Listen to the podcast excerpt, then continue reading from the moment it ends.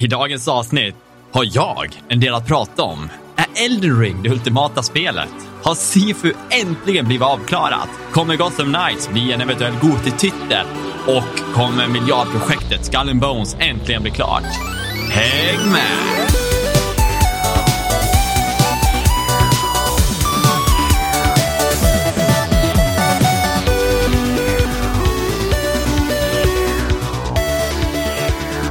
Hur är läget allihopa? Välkommen till ännu ett avsnitt av Allt under kontroll.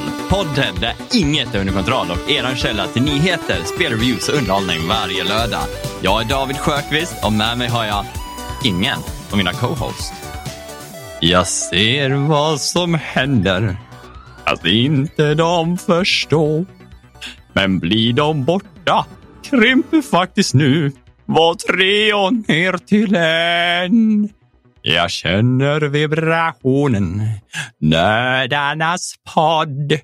Här finns en djup fantastisk atmosfär som är bäddat för en skräll. Nej då, jag bara skojar. Ursäkta för den ljuva, ljuva stämman. jag eh, som sagt är själv idag. Vi har Två stycken. Ena är väl lite är mitt inne i liksom att ska flytta.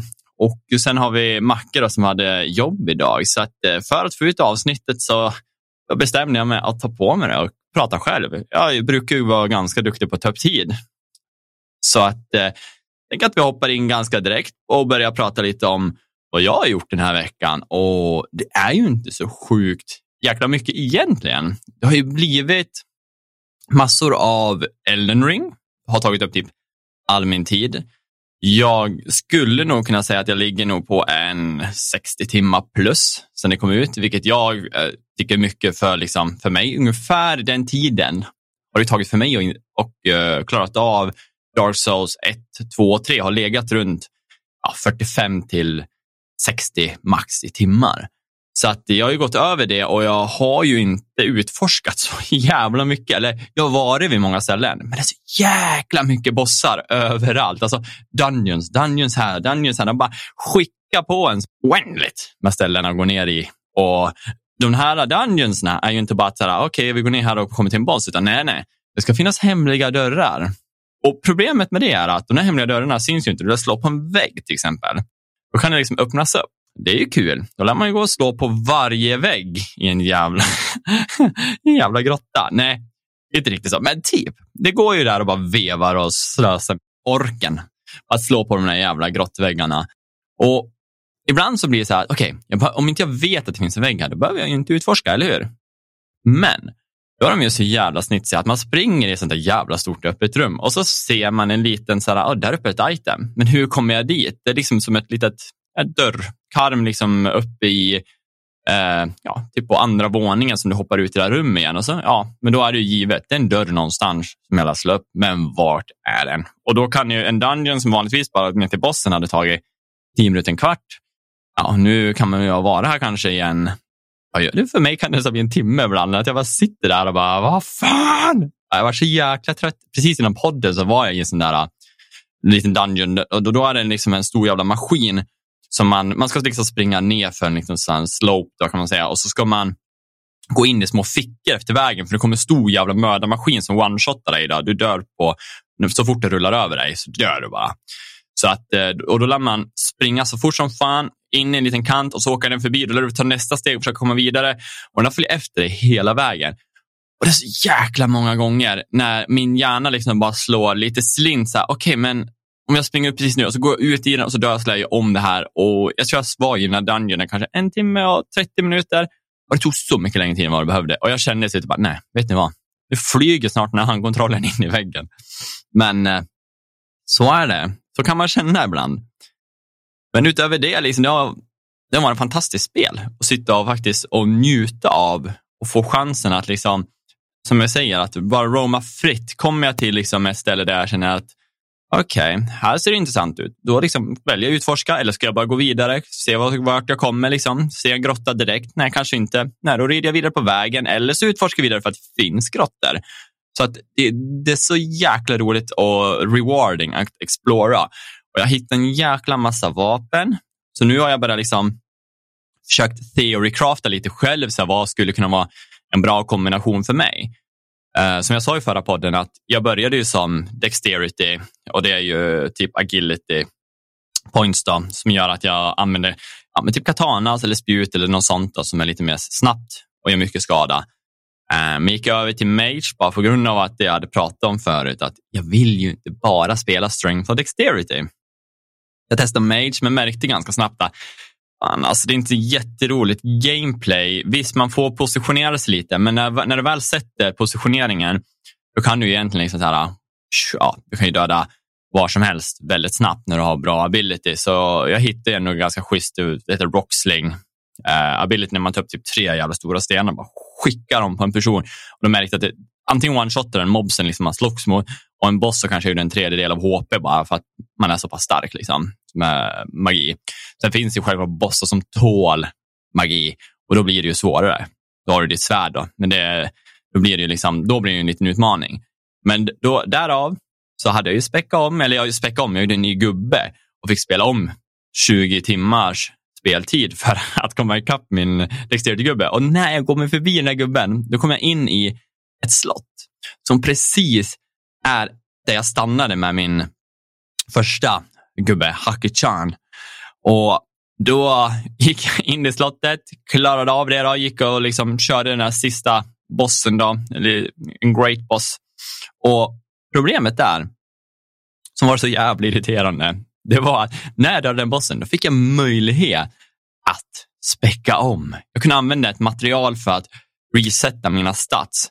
Så tekniskt sett, de här 20 timmarna jag spelade igen, hade jag kunnat ja, egentligen bara kört klart Dungeonen med min Dexterity-gubbe och använt det här materialet och gjort mig till Mage istället för att jag två gubbar. Så att, eh, ja, waste of time.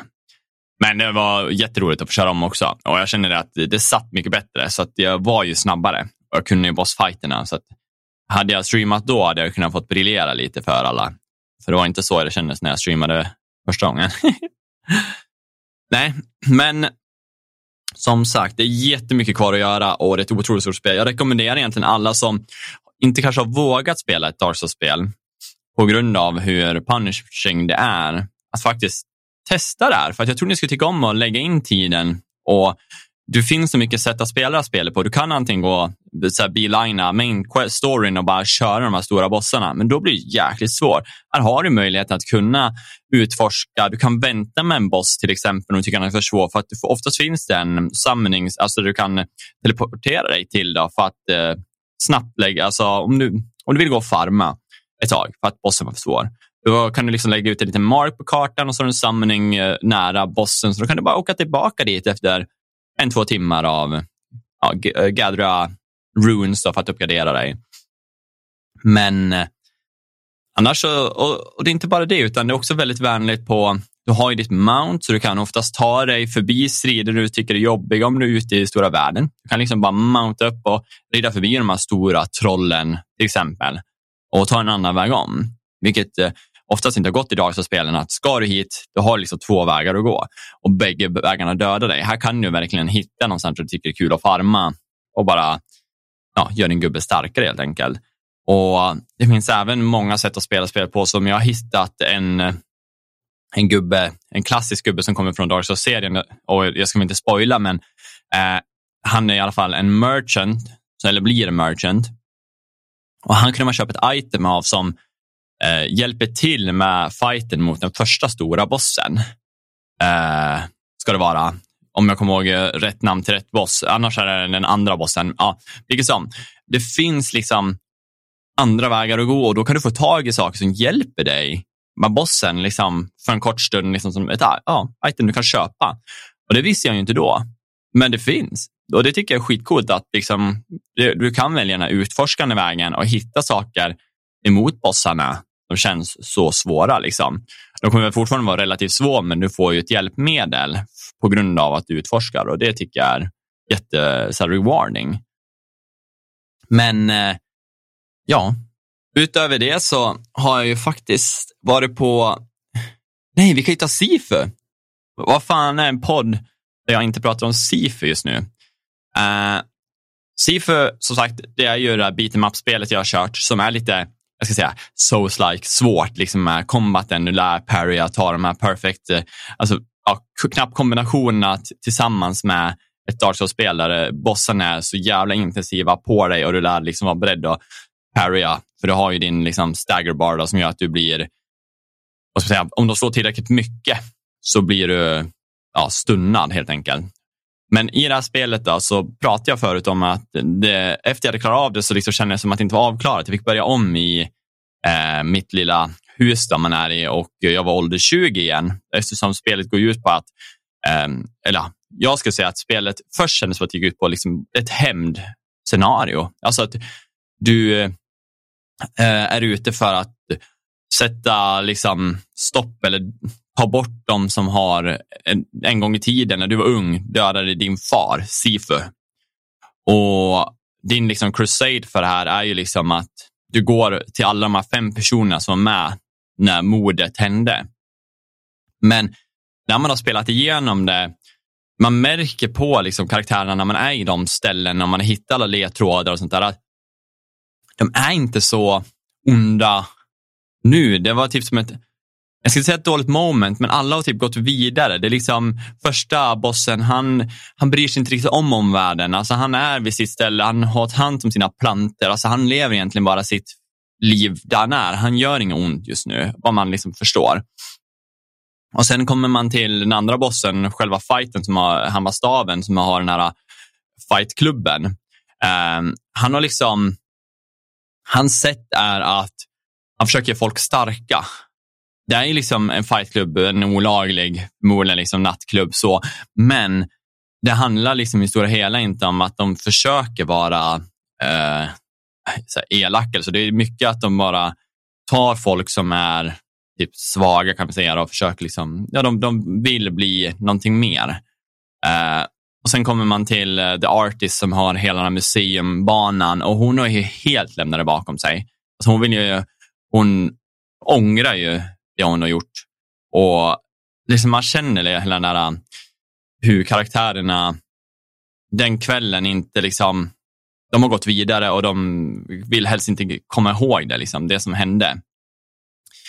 Och hela liksom, den här storyn med han som är eh, vad ska jag säga, ondingen, då, Yang, eh, det handlar ju liksom om, och nu, för er som inte har spelat det, så skulle jag kunna säga, det kommer spoiler nu, så spola fram kanske en minut så slipper ni höra. För jag tycker det var så jäkla intressant, för spelet utspelar sig ju att i början av spelet så får du ju spela som uh, the bad guy. Du är Yang, men du vet inte om det. Utan du, du är den som dödar din far. Vilket är så jävla coolt. I en fight, liksom, scen i huset och när du ser den du sen kommer spela, barnet. Men det man får reda på genom spelets gång, som är så mycket djupare än man tror, det känns bara som liksom ett combatspel. Men det är ju att i slutet, om alla pusselbitar man får, så får man reda på att Yang är ju din bror. Och det, då bara fick jag goosebumps när man känner liksom det här, oh shit. Och allting handlar egentligen inte om att det är en hämndhistoria, utan det är mer om, så här, handlar lite mer om vad man tycker är rätt och fel. Uh, och för att det Yang valde att göra när han sin pappa, det var egentligen för att han vart out, så här, vad ska man säga, i sista scenen man ser när han blir, eh, vad ska man säga, han, han spelar då. Han, blir, eh, han hör liksom en konversation mellan pappan och eh, brorsan när pappa säger att han har svikit sitt, sitt val över att skydda den här talismanen som gör att man liksom, ja, har ett evigt liv kan vi säga. Då. Eller vi kallar det så. Och han vill använda den för att hjälpa folk som han bryr sig om. Att han tycker att det liksom är väl egoistiskt att vi bara har den inom vår familj. Och därav så säger pappan att han har svikit sitt löfte att uh, ja, försvara den här medaljongen, vilket gör att han blir outcastad av sin far. Och det här det scenariot man spelar senare, då har man kommit till den punkten att uh, uh, även Yang vill ju inte slåss, men jag vill ju liksom döda min bror för det han gjort mot vår far. Men samtidigt så känns det som att eh, andra omgången nu när jag kör, som jag sa förra gången, att jag har, har då kommit till en conclusion att jag har valt att faktiskt spara alla personer, så fick jag ett different ending där det är väldigt oklart. Där det kändes nästan som att min gubbe på något sätt dör, men ändå får känna en så här frid. Släppa det här som hände och man får se hur, eh, vad förmodar är brorsan tar ens plats som liksom Sifu och det är ett barn som ropar liksom på honom. Och det, ja, det känns som att det är liksom det bra endinget där inte man själv behöver döda sin bror, utan min hemlistenhet liksom får ett stopp. Och nej, jäkligt bra spel och jag trodde inte det skulle gå så djupt. Jag trodde bara att det var liksom, ja, det är ett slagsmålsspel, det kommer inte vara så jävla ja, nice story, men jag tycker ändå de mer än vad man ser, liksom, vad man kan skapa på ytan av, liksom, man, om man verkligen tänker på det. Det känns som att det är, en bra mening i det. Liksom. Att, eh, att ge igen och hämnd inte alltid är liksom, ja, det bästa att göra, utan det kan ju ibland vara att förlåta och se åt andra hållet, liksom, att varför uppstod situationen? Jag tycker det är jävligt nice spel och det är ju det, vad heter de, slow clap. Skitbra. Men utöver det så vart det faktiskt en, en liten bio, biotitt. Vi eh, tog då, jag och eh, Macke och gick på The Batman. Och eh, jag säger bara, vilken jävla film. Det är faktiskt över förväntan och jag är jätteglad att de gjorde den nästan tre timmar lång för att den behövdes. Eller behövdes. Det vart, så, det vart bara så här, åh nu känns det som att det är slut. Och det bara kommer mer och det kommer in starkare. Liksom. Man känner bara, åh det är så bra. Och så bara, åh nu slutar filmen. Och så kommer nästa våg av dåliga saker som händer. Man bara, what mer? Nej, supernöjd. Och det de har framhävt i den här Batman, det är ju verkligen att eh, Batman har skrivits verkligen som en detektiv.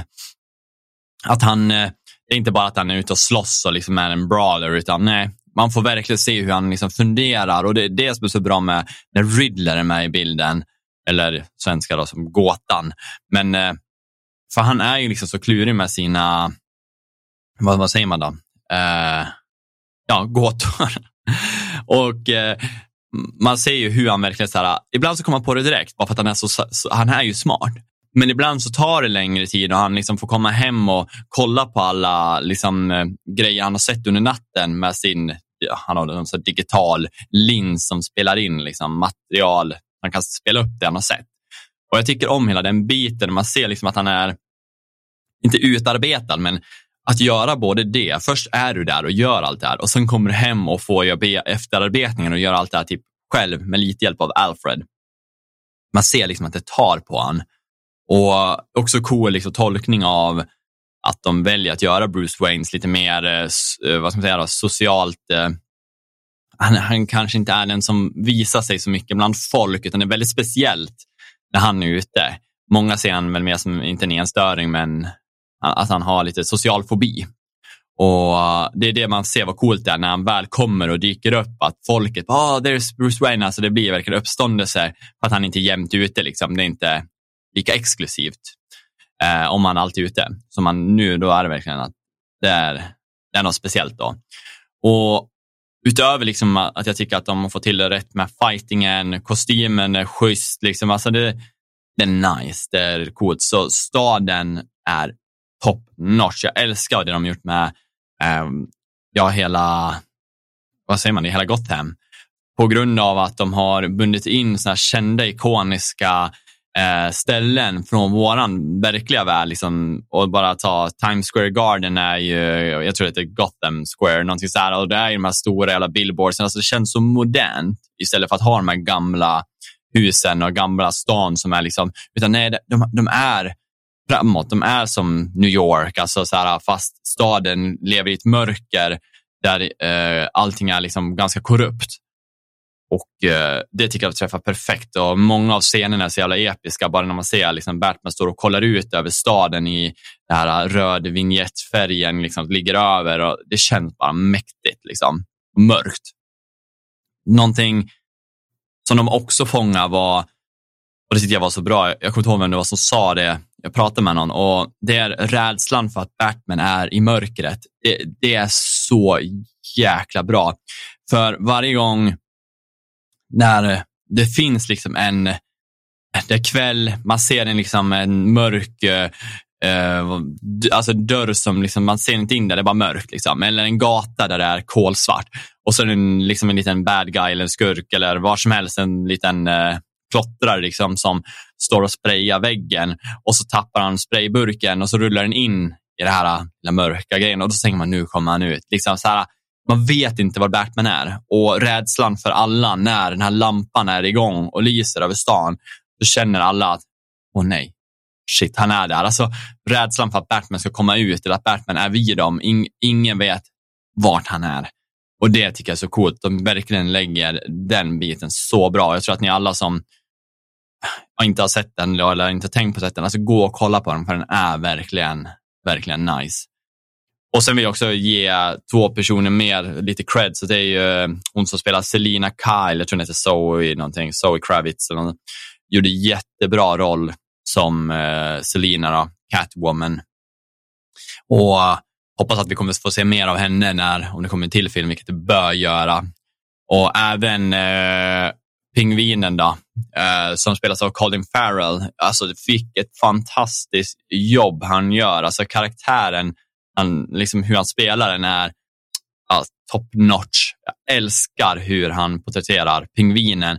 Och även att det har varit så pass bra att han kommer få en egen show på HBO Max. Jag vet inte när den kommer, men det är liksom, kommer komma när vi får se pingvinen. Då. Och det tycker jag att absolut att han förtjänar. Och han som spelar gåtan, han var ju för mig Första varset var så löjligt att det skulle vara han. När man fick se hur han såg ut, man bara, nej men fy fan, nej, det här kändes inte helt rätt. Det kändes lite skrattretande. Tills han börjar liksom verkligen skådespela, alltså när man, när man får mycket tid med honom och man börjar märka, jävlar vad, han är jävligt bra och man känner den sjuka eh, hemlistheten och hela grejen mot Batman, alltså hur den verkligen tar, tar fart och då märker man, fy fan vilken jävla, vilket psycho. Men på ett bra sätt. Alltså en jäkla sjuk film. Men det är lite vad, vad jag har gjort den här veckan. Uh, utöver det så tycker jag att vi drar vidare till veckans uh, nyheter. Nu är det ju bara jag som har lite nyheter här.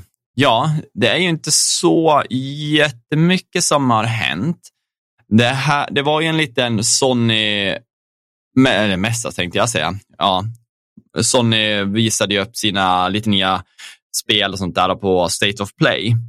Eh, det var inte så många som riktigt fastnade som jag tyckte att ah, det där var bra. Eh, det var mycket Final Fantasy skit. Nej, Final Fantasy, det är inte skit, men det är väldigt mycket just nu tycker jag. Och jag är inte riktigt insatt i det. Men, så att det, liksom, det fångar mig inte riktigt. Så var det några sidspel. Men det, det jag kan ta ut från den, som jag tyckte var väldigt cool, det är att eh, från eh, våran, vårat grannland så har vi våran finska studio som varit uppköpt av Playstation, Housemark. Uh, och de har ju sitt spel Returnal som har fått otroligt mycket hyllningar och därav blev de ju uppköpta av Sony. Uh, de har ju en, uh, vad jag förstår, en uppdatering som kommer som kommer heta Ascension. Jag har inte koll om det kommer kosta faktiskt, eller om det är en free, free. Men jag kan tänka mig att det kanske är en liten DLC så att den har en, eh, en eh, gesturaktiv summa. Men eh, det som är grejen med den är att de kör lite av den här, man är i ett, det kommer komma ett liksom stort torn som du ska försöka bestiga våning för våning. Och varje våning så liksom, det blir väl svårare och svårare, lite som när man kör Diablo för att få en eh, de har Greater Rifts eller vad man kallar det. För varje våning du kör så blir det ett steg svårare. Och jag antar att tornet är så pass högt liksom, att det kommer bli riktigt svårt i slutet. Eh, den kommer. Och sen kommer de också med en liten multiplayer, vilket kommer vara skitcoolt att kunna lira ett sånt här spel tillsammans. Så att jag ser verkligen fram emot den updaten och få se vad den leder. Expansionen eller uppdateringen, den släpps den 22 mars. Det är faktiskt väldigt snart. Så jag tror att det här kommer bli askul för de som har det. Och det gör mig bara mer sugen att ha Playstation 5 för att det där spelet ser fantastiskt roligt ut. Det är ju right up my alley med det här souls-like, alltså punishment. Man får dö och dö och dö för att liksom lista ut hur kommer jag klara, hur, vad ska jag ha för typ av vapen, eller vilka upgrades ska jag välja. Älskar det där. Och utöver att den annonserade uppdateringen där så har vi också fått ett eh, releasedatum till ett spel som är för mig väldigt efterlängtat och det är ju Gotham Knights. Så det passar ju både in att man har sett Batman också. Här har vi ju ett spel som redan 2020 eh, utannonserades och skulle haft release under förra året, men det var lite förseningar och det var väl mycket på grund av pandemin.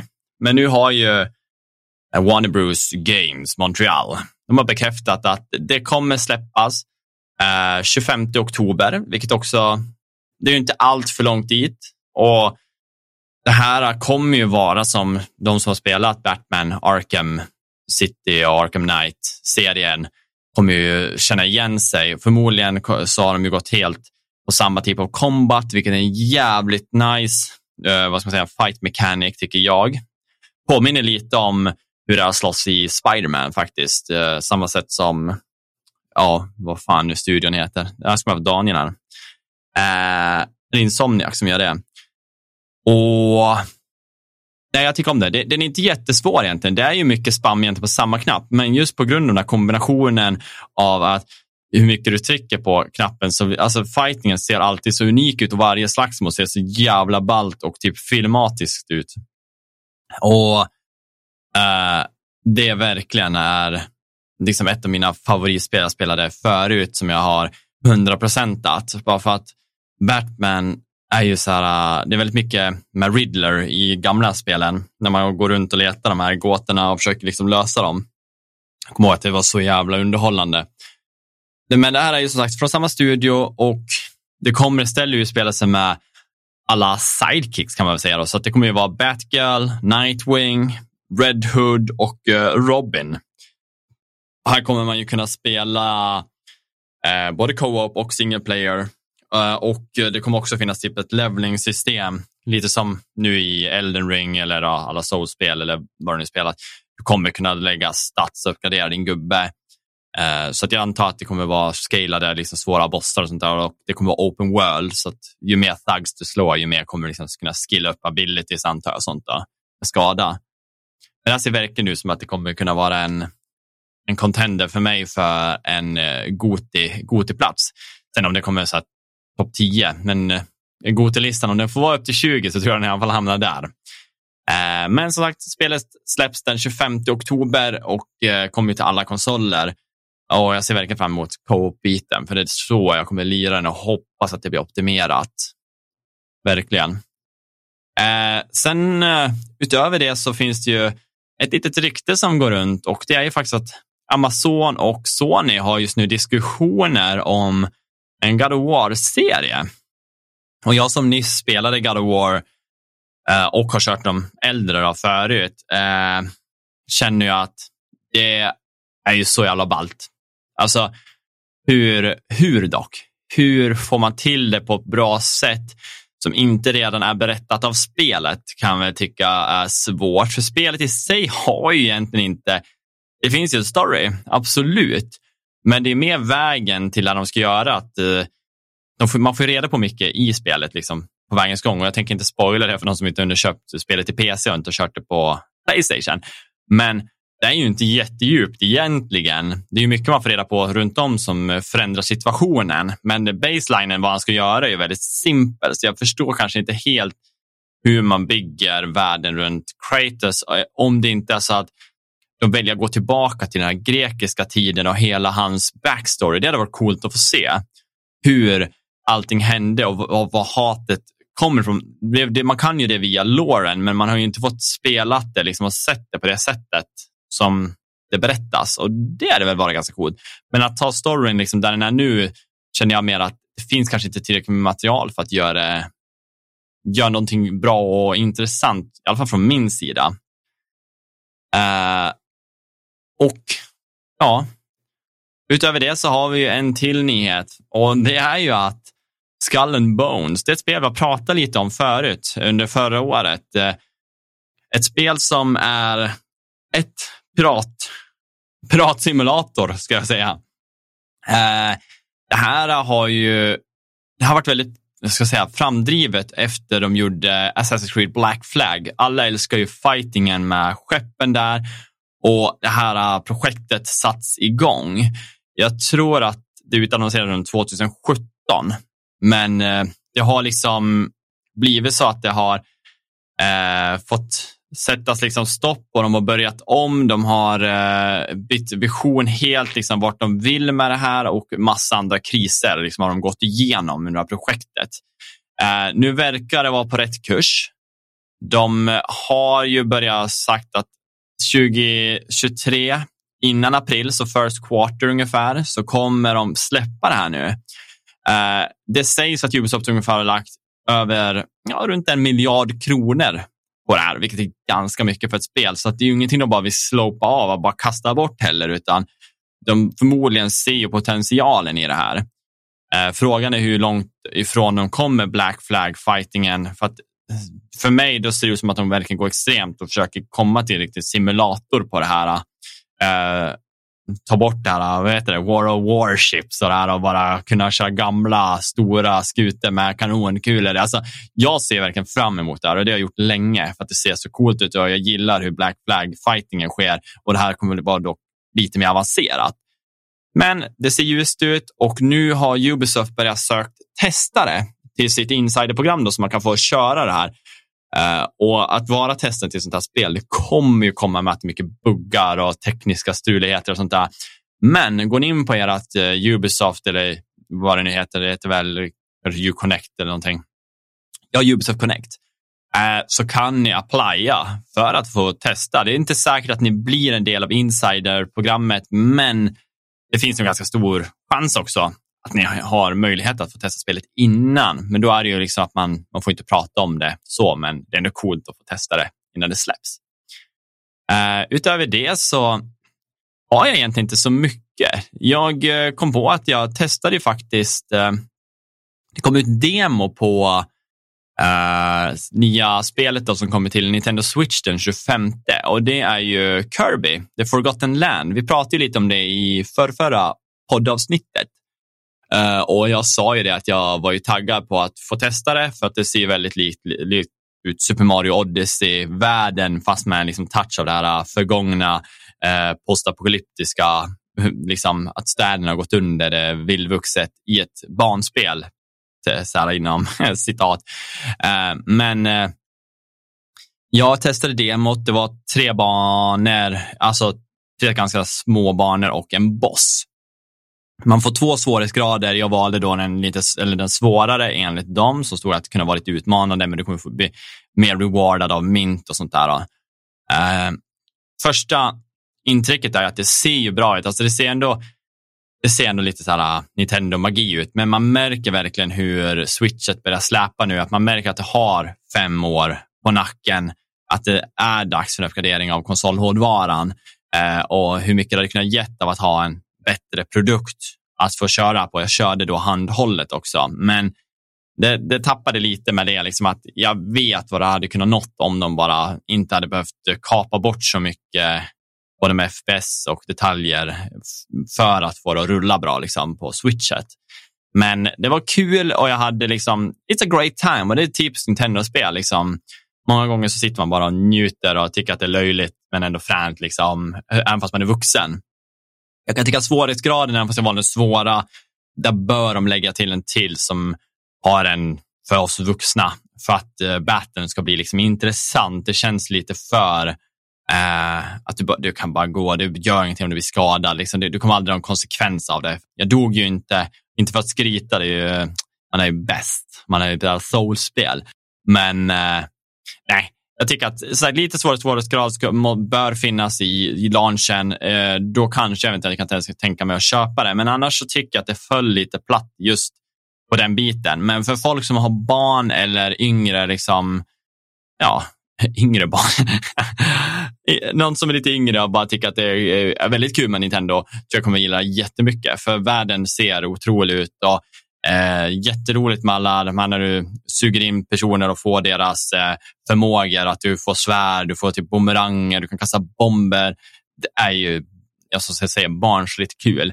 Utöver det så har du också det man kallar för mouthful mode som vi pratade lite om förut, att du kan liksom suga upp stora föremål som en bil och åka den där med och trycka på turbon och flyga över hopp. Och själva grejen var att det flöt på så mycket bättre än vad jag hade tänkt mig. Och det var jätteroligt att köra den här bilen och bara typ nästan kommer driftandes runt ett hörn och det känns liksom optimerat. Men som sagt, det faller lite platt på det grafiska. Eh, och för er som inte vet om ni kommer tycka om det eller inte, testa köra demot, för det var faktiskt schysst. Att, jag brukar inte köra det, men just i det här fallet, för Nintendo släpper ju alltid spel som kostar 599, så känns det, jag vill inte betala det om jag inte vet vad jag ger mig in på. Och det tog bara superkort tid beroende på vad det är för nätverk att ladda ner den här eh, lilla demot. Då. Men eh, nej, så det hoppas jag att eh, hoppas att det får en annan svårighetsgrad, för då eventuellt så blir det ju en liten upp, uh, uppköp av mig då. Att köp, ska köpa upp Nintendo. Nej, vad ska, nej, att köpa spelet helt enkelt. Uh, nej, men annars så har vi en nyhet som jag kanske skulle ha dragit förra veckan och det är ju Steam-däcket eh, har ju liksom kommit ut till de första batchen då, för de som förbokade det. Och det är den handhållna konsolen från Steam eller Valve. Och här har vi ju fått väldigt bra reviews faktiskt. Jag har haft lite problem med drifting i eh, själva, vad ska jag säga, ena sticken då, eh, vilket Valve har gått ut och sagt att de kommer kunna göra en update som kommer fixa den här driftingen och det löser ju en av de stora grejerna. Då. Utöver det så drivs deras eh, Linux-version som de har som driver eh, det här Steam OS. Då, drivs på bra. Eh, spelen, det är inte de stora liksom, klagomål. Den klarar av det mesta som den har sagt. Ehm, det finns små, liksom, kanske folk som har tänkt att den även ska fungera med allting utöver att spela som kanske har vissa åsikter om att den inte kanske har den potentialen de säger. Men samtidigt så den är mest gjord för att ja, gamea på. Så att eh, ja, de får klaga bäst de vill. Eh, men eh, utöver det så har ju, och även han då, eh, Gabe, som han heter, Gaben the Master, Valves eh, ägare säger jag.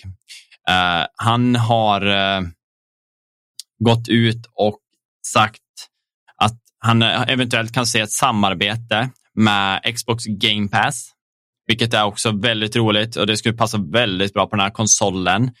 Eh, på grund av att Game Pass erbjuder, om man betalar en lite högre summa, som jag tror är 159 kronor, så kan du också streama spelen, vilket gör att det tar ju fysiskt, kanske, eller det tar fysiskt mindre av din produkt. Det är ju bara wifi du behöver tekniskt sett och en skärm.